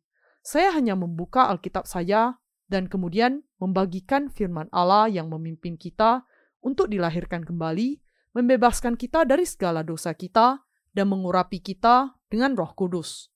Di manakah roh kudus berdiam? Ia berdiam di dalam hati mereka yang dengan jelas menerima pengampunan dosa. Roh kudus Allah berdiam di dalam hati mereka yang sudah menerima pengampunan dosa. Ia bekerja hanya di dalam firman Allah. Ia juga bekerja di dalam iman mereka yang membagikan kasih Allah, yaitu yang bersaksi tentang keselamatan dari Allah yang dinyatakan di dalam kasih Kristus. Berdiam di dalam hati kita, ia menolong kita untuk memahami firman Allah ketika kita mendengarnya dan mendorong kita untuk memberitakan firman itu kepada orang-orang lain. Ia menghendaki kita memahami kehendak Allah secara penuh dan benar. Roh Kudus mengajar kita akan firman kebenaran yang tertulis di dalam Alkitab dan menjadikan kita memahaminya. Untuk itu, ia menyelamatkan kita dengan percaya kepada hal itu dan memerintahkan agar kita memberitakan firman kebenaran dengan iman. Ia membuat kita hidup sesuai dengan firman dan menolak apa yang harus ditolak sesuai dengan kebenaran. Ia mengerjakan semua yang baik di dalam diri kita seturut dengan firman Allah. Saudara seiman yang terkasih, sudahkah Anda dilahirkan kembali dari air dan roh? Kemudian, Anda harus belajar lebih banyak mengenai ayat-ayat di dalam Alkitab untuk dipimpin secara lebih terperinci, semakin dikasihi di dalam gerejanya, dan menerima semakin banyak teguran dan peringatan. Jadi, saya mengajarkan kepada sesama orang-orang percaya, para pekerja, dan pelayan dengan dua sisi orientasi. Satu adalah kasih Kristus, dan satunya lagi adalah pengajaran yang tegas. Ketika saudara sesama orang percaya perlu diajar dengan penjelasan yang tegas, maka saya melakukannya dengan tegas tanpa ragu. Dengan firman Allah, saya menegur mereka sekeras mungkin. Setiap kali saya melihat orang-orang percaya yang bandel secara rohani di dalam jemaat, saya menegurnya untuk membuat dia merendahkan diri di hadapan Allah. Bukan karena saya membencinya, tetapi untuk membuat dia mengenal kasih Kristus. Saya bisa tegas dengan murid-murid yang demikian karena teguran saya didasarkan kepada kasih Kristus. Karena itu, ketika kita perlu mendisiplin murid kita dan ingin menolong mereka memahami kebenaran, maka kita, para pemimpin, harus menerapkan disiplin dua sisi. Ketika murid-murid saya sangat kelelahan dan akan keluar dari kehidupan iman mereka, saya tidak memaksa mereka dengan pandangan yang tajam. Dalam keadaan demikian, saya merasakan dan mengatakan maaf kepada mereka, meskipun saya tidak ada hubungannya dengan keadaan atau kelelahan mereka. Saya menghibur kesedihan mereka dan kesulitan mereka supaya mereka bisa kembali berdiri tegap lagi di dalam kasih Kristus dan untuk melanjutkan dengan kuat dan cemerlang sementara dihiburkan dengan kasih Kristus. Saya tidak bisa melakukannya dengan perasaan atau pikiran pribadi, tetapi dengan kuasa kasihnya yang memimpin dan mengajar kita untuk hidup sesuai dengan firman-Nya. Tidakkah ia mengorbankan dirinya untuk menyelamatkan kita karena ia mengasihi kita? Kita sekarang percaya bahwa ia menunjukkan kasihnya kepada kita untuk membuat kita berdamai kembali dengan Allah Bapa, bahwa ia dibaptiskan dan mati di kayu salib menggantikan kita agar kita bisa memahami kasihnya dan menaikkan syukur kepadanya sampai selamanya. Karena itu kadangkala para pemimpin menghadapi pengikutnya dengan pandangan yang lembut, kadangkala dengan teguran yang keras bagi jiwa mereka. Karena para pemimpin percaya bahwa inilah hati Kristus dan kasihnya, dan bahwa dengan melakukan hal itu, kita bisa bersatu dengan kehendaknya bagi kita, orang-orang yang dilahirkan kembali. Rasul Yohanes memahami bahwa roh kudus berdiam di dalam hati orang-orang kudus dan para hamba Allah. Karena itu, ia mengatakan bahwa mereka tidak perlu belajar dari orang-orang dunia, karena Roh Kudus mengajarkan semuanya tentang kebenaran. Dan Roh Kudus adalah benar dan tidak berdusta. Ia memberikan kesaksian akan kebenaran iman kita ketika kita percaya kepada firman Allah sebagaimana adanya. Ia menolong kita memahami apakah kita benar atau salah, atau ketika kita percaya dengan benar atau secara keliru. Ia membuat kita merasa tidak nyaman ketika kita menyimpang dari iman kita. Itulah sebabnya kita kadangkala merasa tidak nyaman. Tetapi ia memberikan kepada kita damai dan sukacita di dalam hati kita ketika kita berbalik dari iman kita yang salah dan percaya dengan benar. Ia sungguh-sungguh melakukannya. Saudara kudus yang terkasih, kita harus berdiam di dalam kasih Kristus. Para pelayan kita, saudara dan saudari, yaitu semua orang-orang kudus, harus berdiam di dalam kasih Yesus Kristus. Apa unsur yang membedakan di antara kita? Apakah ada untungnya kalau kita saling pamer? Kita sudah menjadi satu keluarga, apa pun kehendak kita, dengan menerima pengampunan dosa di dalam Injil air dan roh. Dan hubungan kekeluargaan yang baru di dalam iman ini lebih indah dibandingkan dengan hubungan apa pun di dunia ini. Kita yang menjadi satu keluarga di dalam kasih Kristus diikat oleh kepercayaan, kasih, dan persahabatan yang tulus. Tanpa kasihnya, kita tidak bisa menjadi satu. Kita menjadi saudara dan saudari di dalam kasih Kristus. Tetapi, tanpa kasihnya, kita tidak akan memiliki hubungan satu dengan yang lain. Kita sama sekali tidak masuk ke dalam keselamatannya. Kita harus berdiam di dalam kasih Kristus sebagaimana yang dikatakan Yohanes. Berdiam di dalam dia. Inilah iman yang sejati dan iman yang harus kita pelihara khususnya di masa akhir zaman ini. Bagaimana kita yang memiliki roh kudus hidup? Kita harus menjalani kehidupan iman dengan saling mengasihi dan memberitakan kebenaran keselamatan. Di masa-masa penghabisan ini, meskipun pengetahuan dan teknologi sangat berkembang, tidak banyak orang yang memberitakan Injil air dan roh. Karena itu, kita harus lebih efektif memberitakannya dengan memakai pengetahuan dan teknologi itu untuk penginjilan. Sekarang, semua orang di dunia ini merasakan haus akan kasih Kristus. Tidak ada lagi yang disebut kasih yang sejati. Banyak orang Kristen yang mengaku dilahirkan kembali, tetapi sebenarnya tidak. Melukai mereka yang memiliki Injil yang benar dengan menggunakan Injil palsu. Saya kadangkala marah kepada mereka, tetapi memutuskan untuk mendiamkannya sejak saat ini. Semua kejahatan mereka berasal dari kegelapan mereka. Mereka sepenuhnya ada dalam kegelapan karena mereka tidak diam di dalam kasih Kristus. Saya tahu mengapa mereka melakukan hal itu, dan karena itu kita tidak akan berdebat memihak atau melawan perilaku mereka yang aneh. Kalau kita ada di dalam kasih Kristus, kita bisa hidup dengan harmonis dengan orang-orang kudus yang lain, dengan saling mengasihi dan saling memahami. Kita tidak ingin hidup demikian, tetapi kita tahu bahwa kehidupan yang demikian adalah kehidupan yang paling indah dan diberkati di dunia ini.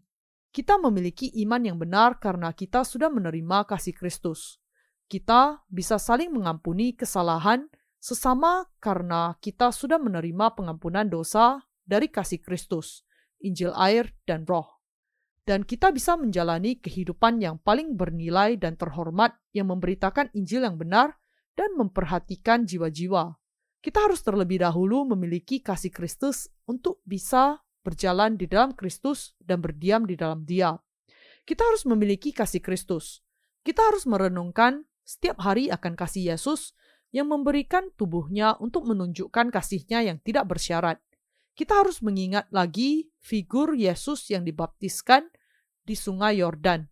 Kita harus membayangkan figurnya yang mengalami penderitaan yang tak terkatakan di kayu salib. Kita harus merenungkan lagi iman bahwa Yesus yang bangkit itu akan membawa kita ke dalam kerajaan surga. Setiap kali kita melakukan dosa karena kelemahan kita, kita tidak bisa tidak mengucapkan syukur atas kasih keselamatannya yang dinyatakan di dalam Injil air dan roh.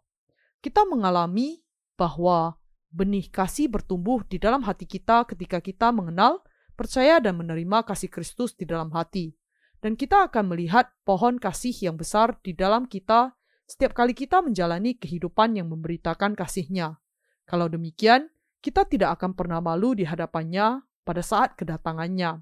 Kita tidak akan menjalani kehidupan yang memalukan sepanjang kita memiliki kasihnya. Inilah sebabnya Yohanes Sang Rasul menasehati supaya kita berdiam di dalam kasih Yesus. Kita harus berdiam di dalam kasih, tidak lain dari kasih Kristus. Kasih ini tidak menunjuk kepada kasih kedagingan atau humanistik. Kita harus berdiam di dalam kasih ini. Kita harus bekerja di dalam kasihnya, saling mengasihi di dalam kasihnya, dan memberitakan Injil di dalam kasihnya.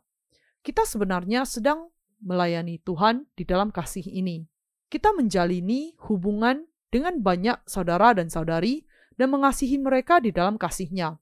Karena itu, ketika kita melakukan segala sesuatu di dalam kasih Kristus, kita kemudian menerima berkat Allah secara berlimpah, merencanakan untuk melakukan pekerjaan rohani yang besar, dan memberikan diri kita untuk menyebarkan kasih Yesus yang besar. Itulah sebabnya Rasul Yohanes menasehati supaya kita hidup di dalam kasih Kristus. Haleluya. Di zaman Yohanes, beberapa orang di gerejanya berusaha untuk mendustai orang-orang yang dilahirkan kembali, yang percaya kepada Injil air dan roh dan berdiam di dalam Tuhan.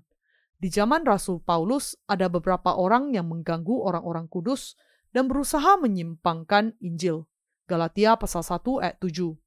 Mereka menciptakan dan memberitakan Injil yang lain, yang mengatakan, kita harus menaikkan doa pertobatan setiap kali melakukan dosa, membasuh diri kita dengan doa yang demikian, dan karena itu kita harus menyucikan diri dengan menghapuskan segala kekotoran kehidupan kita dengan segera. Yohanes Sang Rasul menyebut orang-orang yang demikian sebagai seteru Allah yang berusaha memperdaya orang-orang kudus. Sebenarnya doktrin mereka sudah membingungkan dan menggerogoti iman kita sampai sekarang. Karena itu, Yohanes mengingatkan dan memperingatkan kita bahwa antikristus yang demikian sangat berbahaya bagi iman kita dengan mengatakan, "Engkau harus berdiam di dalam Tuhan seperti yang aku ajarkan dari mulanya." Siapa yang bisa berdiam dalam Tuhan? Orang-orang yang percaya kepada Injil air dan Roh.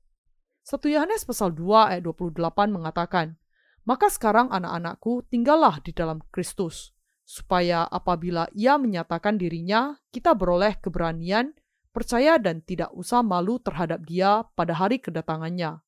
Yohanes mengatakan bahwa kalau kita berdiam di dalam Injil air dan roh, kita akan memiliki keberanian dan tidak akan malu di hadapan Tuhan ketika ia datang kembali.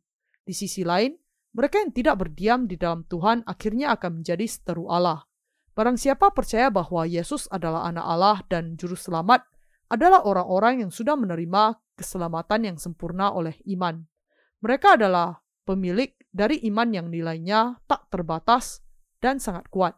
Tentu saja kita sering kali jatuh ke dalam kegelapan. Tetapi kalau kita berdiam di dalam Tuhan, kegelapan akan terusir dari dalam hati kita. Kita mungkin jatuh ke dalam kesalahan, atau kadangkala mengulangi kesalahan yang sama berulang kali. Tetapi kuncinya di sini adalah apakah kita berdiam di dalam Allah atau tidak. Ada tertulis di dalam Yohanes pasal 15 ayat 7. Jikalau kamu tinggal di dalam aku dan firmanku tinggal di dalam kamu, mintalah apa saja yang kamu kehendaki, dan kamu akan menerimanya. Allah berjanji akan menjawab semua doa kita kalau kita tinggal di dalam Yesus Kristus dan meminta pertolongannya dengan iman kepada firman Allah di dalam hati kita. Allah sudah menjawab saya sampai hari ini. Kalau permintaan saya bukan untuk tujuan yang jahat, dan Ia akan senantiasa mendengar doa saya. Yang membuat kita memiliki iman yang tidak malu adalah kalau kita tinggal di dalam Injil air dan Roh. Itu dengan kata lain adalah berdiam di dalam Kristus. Percaya kepada Injil air dan Roh adalah iman yang membuat kita berdiam di dalam Tuhan. Dan iman inilah hikmat yang membuat kita tidak menjadi seteru Allah. Kalau kita tidak berdiam di dalam Yesus Kristus, kita pasti akan menjadi seterunya. Siapakah seteru Kristus? Mereka tidak lain dari orang-orang yang tidak mengakui Yesus sebagai juru selamat sejati mereka. Bahwa dia anak Allah, dibaptiskan untuk menanggung segala dosa kita, mati di kayu salib dan bangkit kembali dari kematian untuk memberikan keselamatannya yang sempurna. Mereka adalah orang-orang yang tidak menerima dia kita jangan sampai menyangkal dia. Kita harus menerima Yesus Kristus bersama dengan Injil, air, dan roh. Firman Allah itu. Apakah kehebatan di dalam diri Anda yang membuat Anda begitu sombong sampai menolak kasihnya yang sempurna? Apakah Anda terlalu pintar untuk mengakui kebenaran Injil ini? Apakah Anda merasa cerdas sehingga Anda bisa menjawab semua pertanyaan? Apakah Anda pikir Anda bisa bertemu dengan Allah hanya mengandalkan pemahaman Anda saja? Kita harus menerima firman kebenaran Allah sebagaimana adanya. Kalau ia mengatakan bahwa ia menciptakan alam semesta, satu-satunya jalan bijaksana yang bisa kita tempuh adalah dengan menerima kebenaran dan mengatakan, "Ya, Engkau yang menciptakannya." Amin. Tidak ada orang yang memahami semua yang ada di alam semesta ini. Seorang ilmuwan terkenal pernah mengatakan, "Kita harus merendahkan diri di hadapan Sang Pencipta." Manusia sekarang sangat sombong akan pengetahuan dan teknologi mereka, dan banyak yang berpikir bahwa manusia akan menaklukkan alam semesta. Tetapi ingatlah akan kebenaran. Semua pengetahuan di alam semesta yang kita kumpulkan jauh lebih kecil dibandingkan dengan debu dunia ini. Ketika kita membayangkan alam semesta dari planet ini, para dokter mengatakan, "Tentu saja, saya melakukan operasi, tetapi saya bukan yang menentukan hidup manusia. Yang memberikan hidup dan mati kepada kita adalah Allah." Jadi, Bahkan beberapa dokter yang bukan Kristen juga berdoa sebelum mengadakan operasi yang menyangkut pasien yang fatal. Allah, tolonglah agar pasien ini bisa hidup. Bahkan seorang ateis mengatakan doa yang sama ketika ia terbaring di meja operasi. Allah, tolonglah selamatkan saya dari kematian. Saya akan percaya kepadamu kalau engkau menolong saya. Kita para makhluk berusaha untuk mencari sang pencipta yang sudah ada sejak awalnya Sang pencipta itu tidak lain dari Yesus Kristus sendiri, dan ia mengatakan bahwa ia mendatangi kita dan menghapuskan segala dosa kita. Apakah alasan Anda menolak kasihnya? Kita jangan sampai melawan Allah berlagak hebat di hadapannya. Kita justru seharusnya percaya kepada firman-Nya dan mengakui kekurangan kita. Apakah Anda tahu berapa banyak hamba Allah yang mati bagi Alkitab sehingga sekarang Anda bisa memilikinya? Yesus mengatakan, Aku mengutus kamu untuk menuai apa yang tidak kamu usahakan. Orang-orang lain berusaha dan kamu datang memetik hasil usaha mereka. Yohanes pasal 4 ayat 38. Sekarang kita menuai buah-buah dari pekerjaan mereka. Lebih lagi, Yesus Kristus sudah sangat bekerja keras untuk keselamatan kita. Kita sudah menerima keselamatan yang diselesaikannya secara tuntas kita menerima kehidupan kekal hanya dengan percaya kepada Injil, air, dan roh yang sudah disempurnakannya bagi dirinya. Barang siapa percaya akan menerima kehidupan kekal. Apakah Anda percaya? Apakah ada orang yang malu atas dirinya sendiri karena dosa-dosanya di hadapan Allah dan tidak bisa berdiri di hadapannya pada titik ini? Saya tidak malu atas diri saya di hadapannya, bukan karena saya sombong, tetapi karena sekarang ini saya berdiam di dalam Tuhan. Saya tidak malu atas diri saya karena iman di dalam Dia, sebab Ia sudah menanggung segala dosa dunia, termasuk dosa-dosa saya, dengan dibaptiskan, mati di kayu salib, dan bangkit kembali dari kematian untuk menggenapkan keselamatan kita. Akhirnya, saya tidak perlu malu atas diri saya karena saya sudah menerima pengampunan dosa oleh iman. Saya tidak tahu bagaimana Ia akan memberikan pahala kepada Anda dan saya. Beberapa di antara Anda mungkin mendapat pahala yang lebih besar dibanding saya. Tetapi sejauh menyangkut keselamatan, saya tidak akan merasa malu oleh iman saya ketika ia datang. Saya tidak malu atas iman saya karena saya sekarang berdiam di dalam Tuhan, sebab saya yakin bahwa ia sudah menghapuskan segala dosa kita dengan Injil air dan rohnya. Dan karena saya sudah menerimanya di dalam hati saya, kita yang memiliki iman demikian tidak ada alasan untuk malu akan diri kita.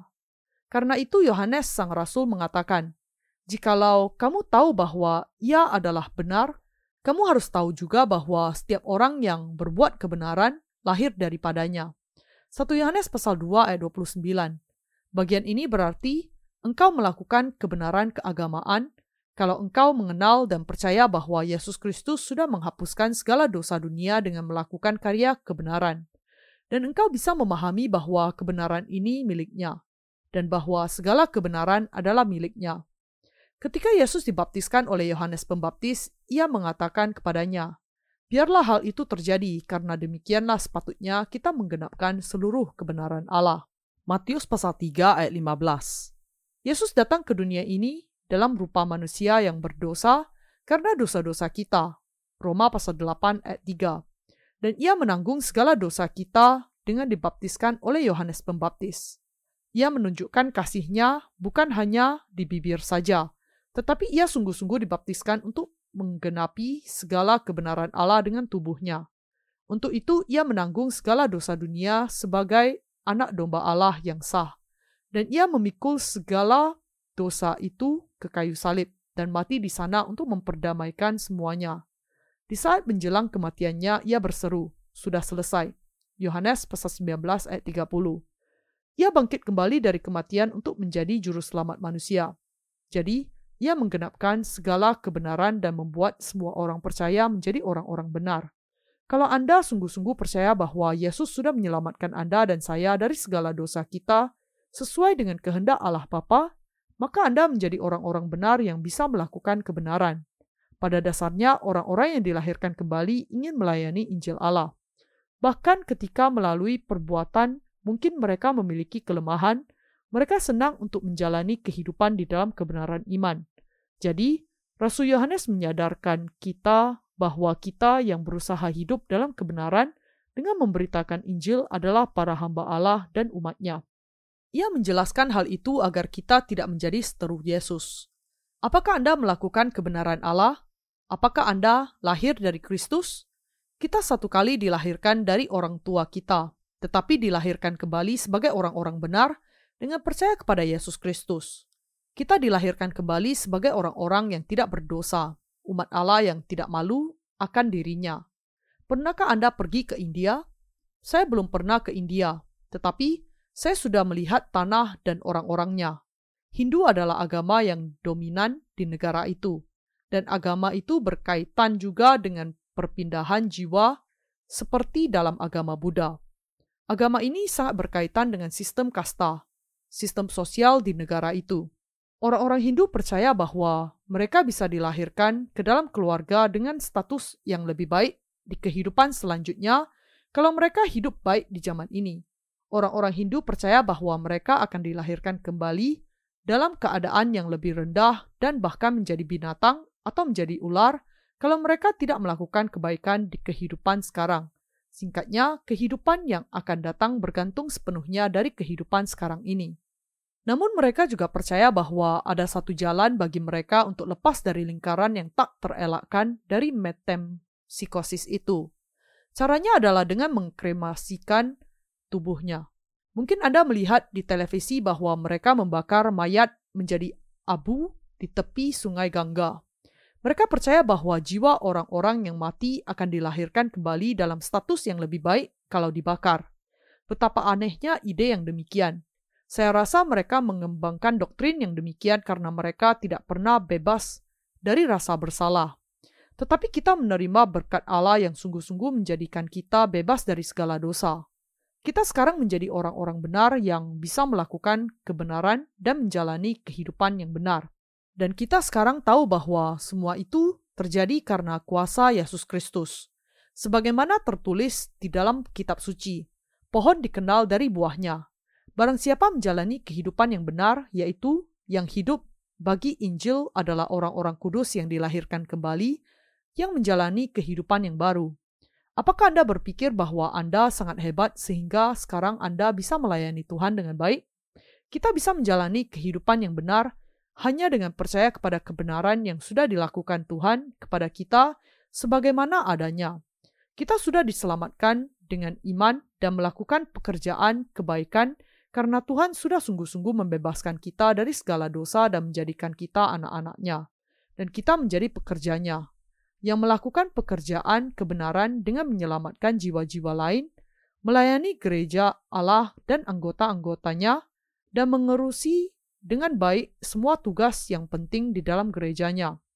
Meskipun kita berbeda satu dengan yang lain dalam hal karunia dan tanggung jawab, kita melayani Injil yang sama dengan cara dan posisi yang berbeda. Di zaman Yohanes ada orang-orang yang pergi ke gereja Allah karena ketidakpercayaan mereka.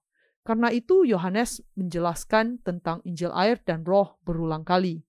Ia menjelaskannya di dalam pasal 3 dan 4 dengan tema yang sama dan kemudian menarik kesimpulan dalam pasal 5. Sekarang Anda dan saya melayani Injil di gereja Allah. Karena kita percaya kepadanya, maka kita dapat melakukannya. Kita harus ingat bahwa kita mampu melayani Dia karena kita lahir darinya. Saya percaya kepada hal ini. Sejak sekarang, kita jangan memandang Kristus dari sudut pandang duniawi. 2 Korintus pasal 5 ayat 16. Kita harus mengenal dia di dalam roh dan kebenaran, dan kita harus tetap setia kepadanya sehingga kita bisa berkenan kepadanya.